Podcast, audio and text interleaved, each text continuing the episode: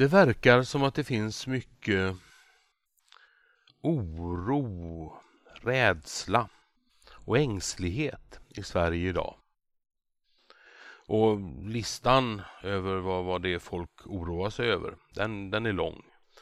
Vi kan ta några exempel. Klimatet, islamiseringen, övervakningsstaten, ekonomin, försvaret, lag och ordning, miljön i ett vidare perspektiv. Och för att inte nämna spökena ur historieböckerna, nämligen fascismen och socialismen. Det finns en lång lista av saker som, som oroar människor i Sverige. Och det finns eh, nästan någonting för alla att oroa sig över.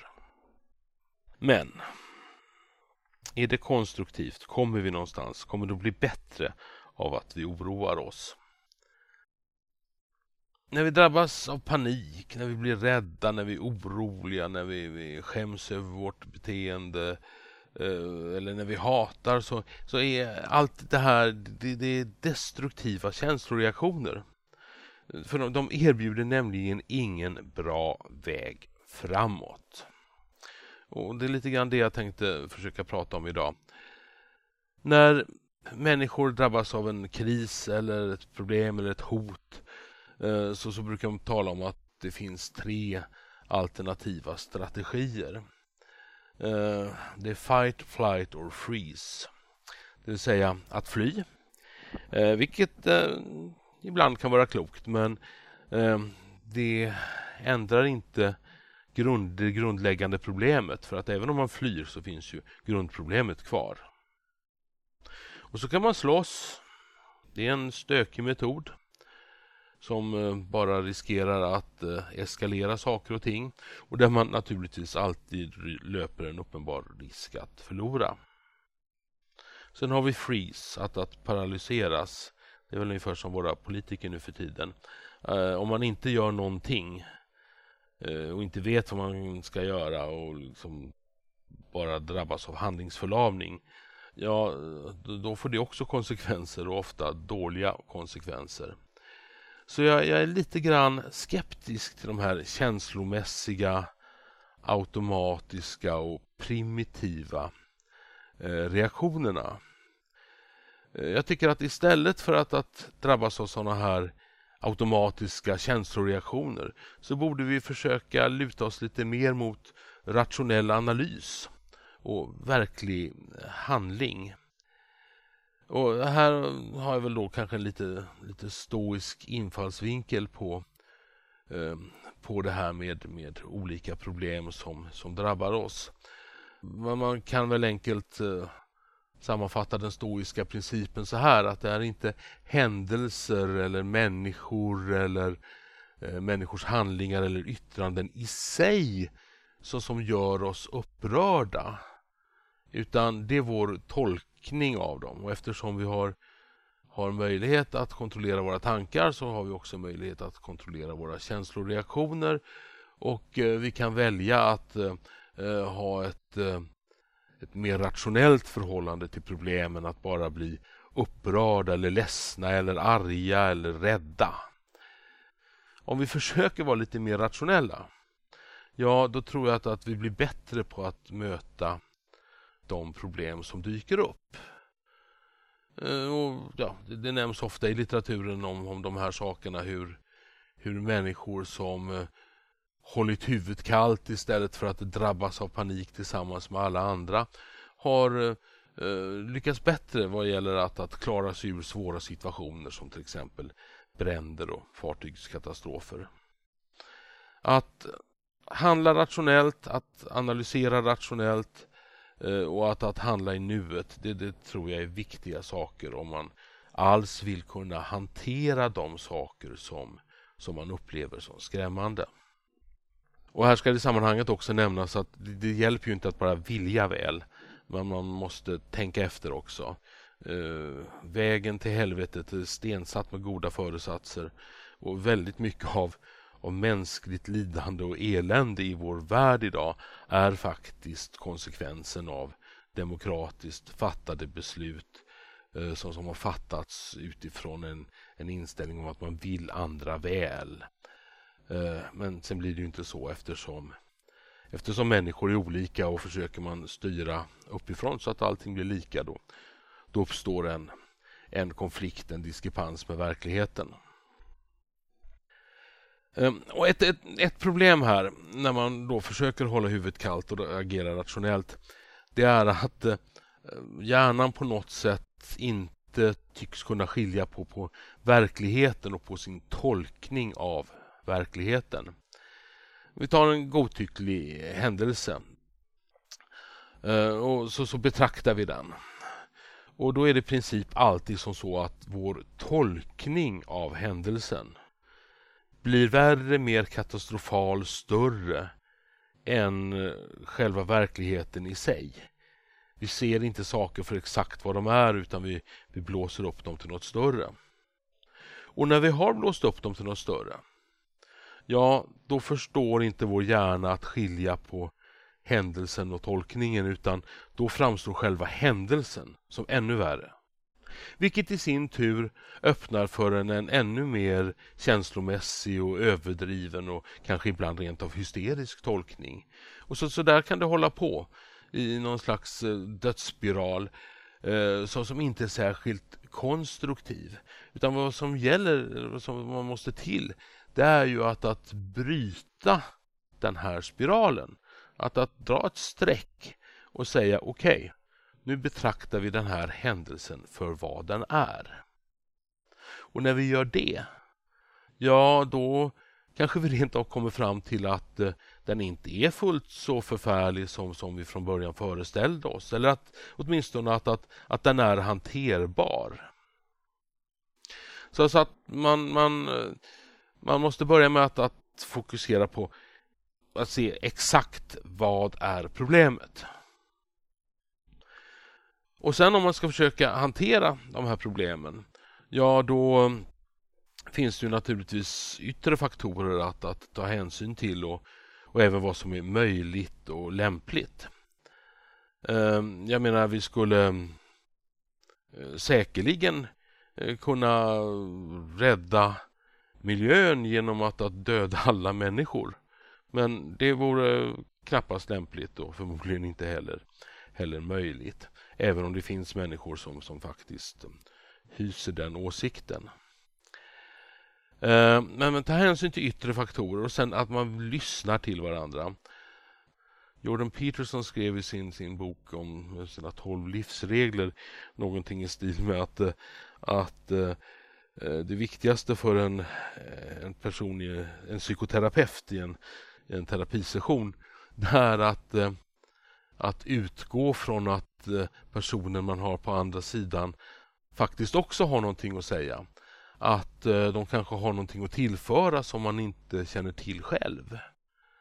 Eh, och det där, det, det där tycker jag är en, en viktig princip att försöka, att försöka lyssna även till motståndare Därför att då kan man förstå deras argument, då kan man förstå vad som driver dem, Eh, då kan man eh, förstå varför de tycker som de tycker. Och allt det där, det är ju en, en förutsättning om man eh, vill försöka påverka de här människorna till att kanske i framtiden tycka någonting annat. Då måste man ju börja med att förstå vad de här människorna har att säga. Och vem vet, ibland kanske de till och med har något väldigt relevant att säga. Så, så att det är ju lite en utmaning att våga lyssna på andra.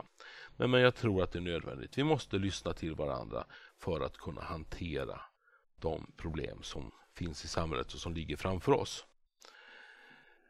Och sen så skadar det naturligtvis inte heller om man sätter upp mål. Men då ska det vara observerbara mål som, som går att, eh, att utvärdera och gärna där man pekar ut vem som är ansvarig för att någonting ska ske så att det blir gjort överhuvudtaget. Ja, det där med att göra saker. Handling är det enda som kan förändra saker och ting. Det som redan har hänt eller det som är historia det, det, det, ja, det blir ofta skuldkänslor eller eller ja, det, det, är bara minnen helt enkelt. Eh, det, det som har hänt går inte att påverka. Det går möjligtvis att, att ställa till rätta en del i efterhand men själva handlingen, det som, det som har hänt, det går inte att påverka. Det är passé. Det, det, och det finns ingen anledning att engagera sig känslomässigt i sånt som, som redan har skett och som inte går att, att ändra på. Och Det är därför som, som skuldkänslor eh, och skam ofta, ofta är destruktiva känslor för de leder energin bort ifrån, ifrån vad vi kan göra i nuet. Sen har vi, har vi oro, framtiden. Eh, det som kanske eller kanske inte kommer att inträffa. Och det här, det, det är ju... Eh, ja, det, det, är inget som direkt går att påverka i konkret handling. Vi kan förbereda oss för framtiden, vi kan vidta mått och steg men, eh, men det är ju faktiskt någonting vi gör i nuet som jag ska återkomma till strax. Men att, att, att grotta ner sig i vad som kanske kan komma att hända och i värsta fall det är möjligen eh, mänskligt men det är inte konstruktivt eh, och det föder ingen konstruktiv attityd som gör att man eh, att, att, att man, man, får kraft och, och att man är klartänkt nog att, att göra det som borde göras. Så dåtidens skuld och framtiden oro. Ehm, det, det eh, är, ja, jag ska inte säga ointressant eller oviktigt, eh, men det är inte nuet. För att nuet har sin, sin fantastiska kraft för att det är nämligen bara handling i nuet som verkligen kan ändra på något. Det är det vi gör just nu. Och då, då måste man också vara säker på att man gör rätt. Det här med, med, med att vi har kontroll över nuet, att vi faktiskt eh, kan göra vad vi vill eh, i nuet. Det, det är ju på sätt och vis en, en rätt skrämmande tanke därför att eh, det ger oss eh, ansvar eh, Eh, och det ger oss eh, möjlighet att välja mellan olika alternativa strategier. Så, så att, att handla i nuet är kanske någonting som faktiskt eh, avskräcker många människor därför att det kräver handling och det kräver eh, beslut och det kräver ansvarstagande. Men inte desto mindre, eh, handling i nuet det är det enda som verkligen kan ändra någonting. Vi måste helt enkelt hantera de saker som skrämmer oss. Eh, och vi måste göra det på ett rationellt sätt. Och det här det är inget som man, man gör i ett stort steg, i vart fall inte vanligtvis. Utan saker och ting måste förändras ett litet steg i taget. Det som oroar oss, det som är problematiskt, det har förmodligen blivit som det har blivit. Just med många små steg efter varandra. Eh, och för att överhuvudtaget komma ur den situationen då måste man ju för det första börja gå åt andra hållet. Och sen som sagt, ta ett steg i taget. Många små steg tills det blir bättre. Men inget sker normalt sett i en handvändning. Det där det gäller ju i våra, våra liv lika väl som i samhället i stort. Eh, alla så är vi summan av våra handlingar och val. Det är våra handlingar och val i passerad tid som har gjort oss till dem vi är just nu. Och på samma sätt så kan våra handlingar och val förändra vilka vi kommer att vara imorgon. Mer belästa, starkare, snabbare, snyggare, eh, whatever. Allt är summan av de handlingar och val vi gör i nuet och nuet är det enda ögonblick vi överhuvudtaget kan påverka. Och på samma sätt så är samhället summan av allas våra handlingar och allas våra val under lång tid. Så om man ska försöka sammanfatta det här. Panik, rädsla och hat, det är destruktiva krafter. Rationellt handlande i nuet, det är däremot det enda som överhuvudtaget kan förändra något. Och det här det kräver att vi alla tar ansvar och försöker göra det bästa möjliga av situationen. Sluta gnäll, börja handla.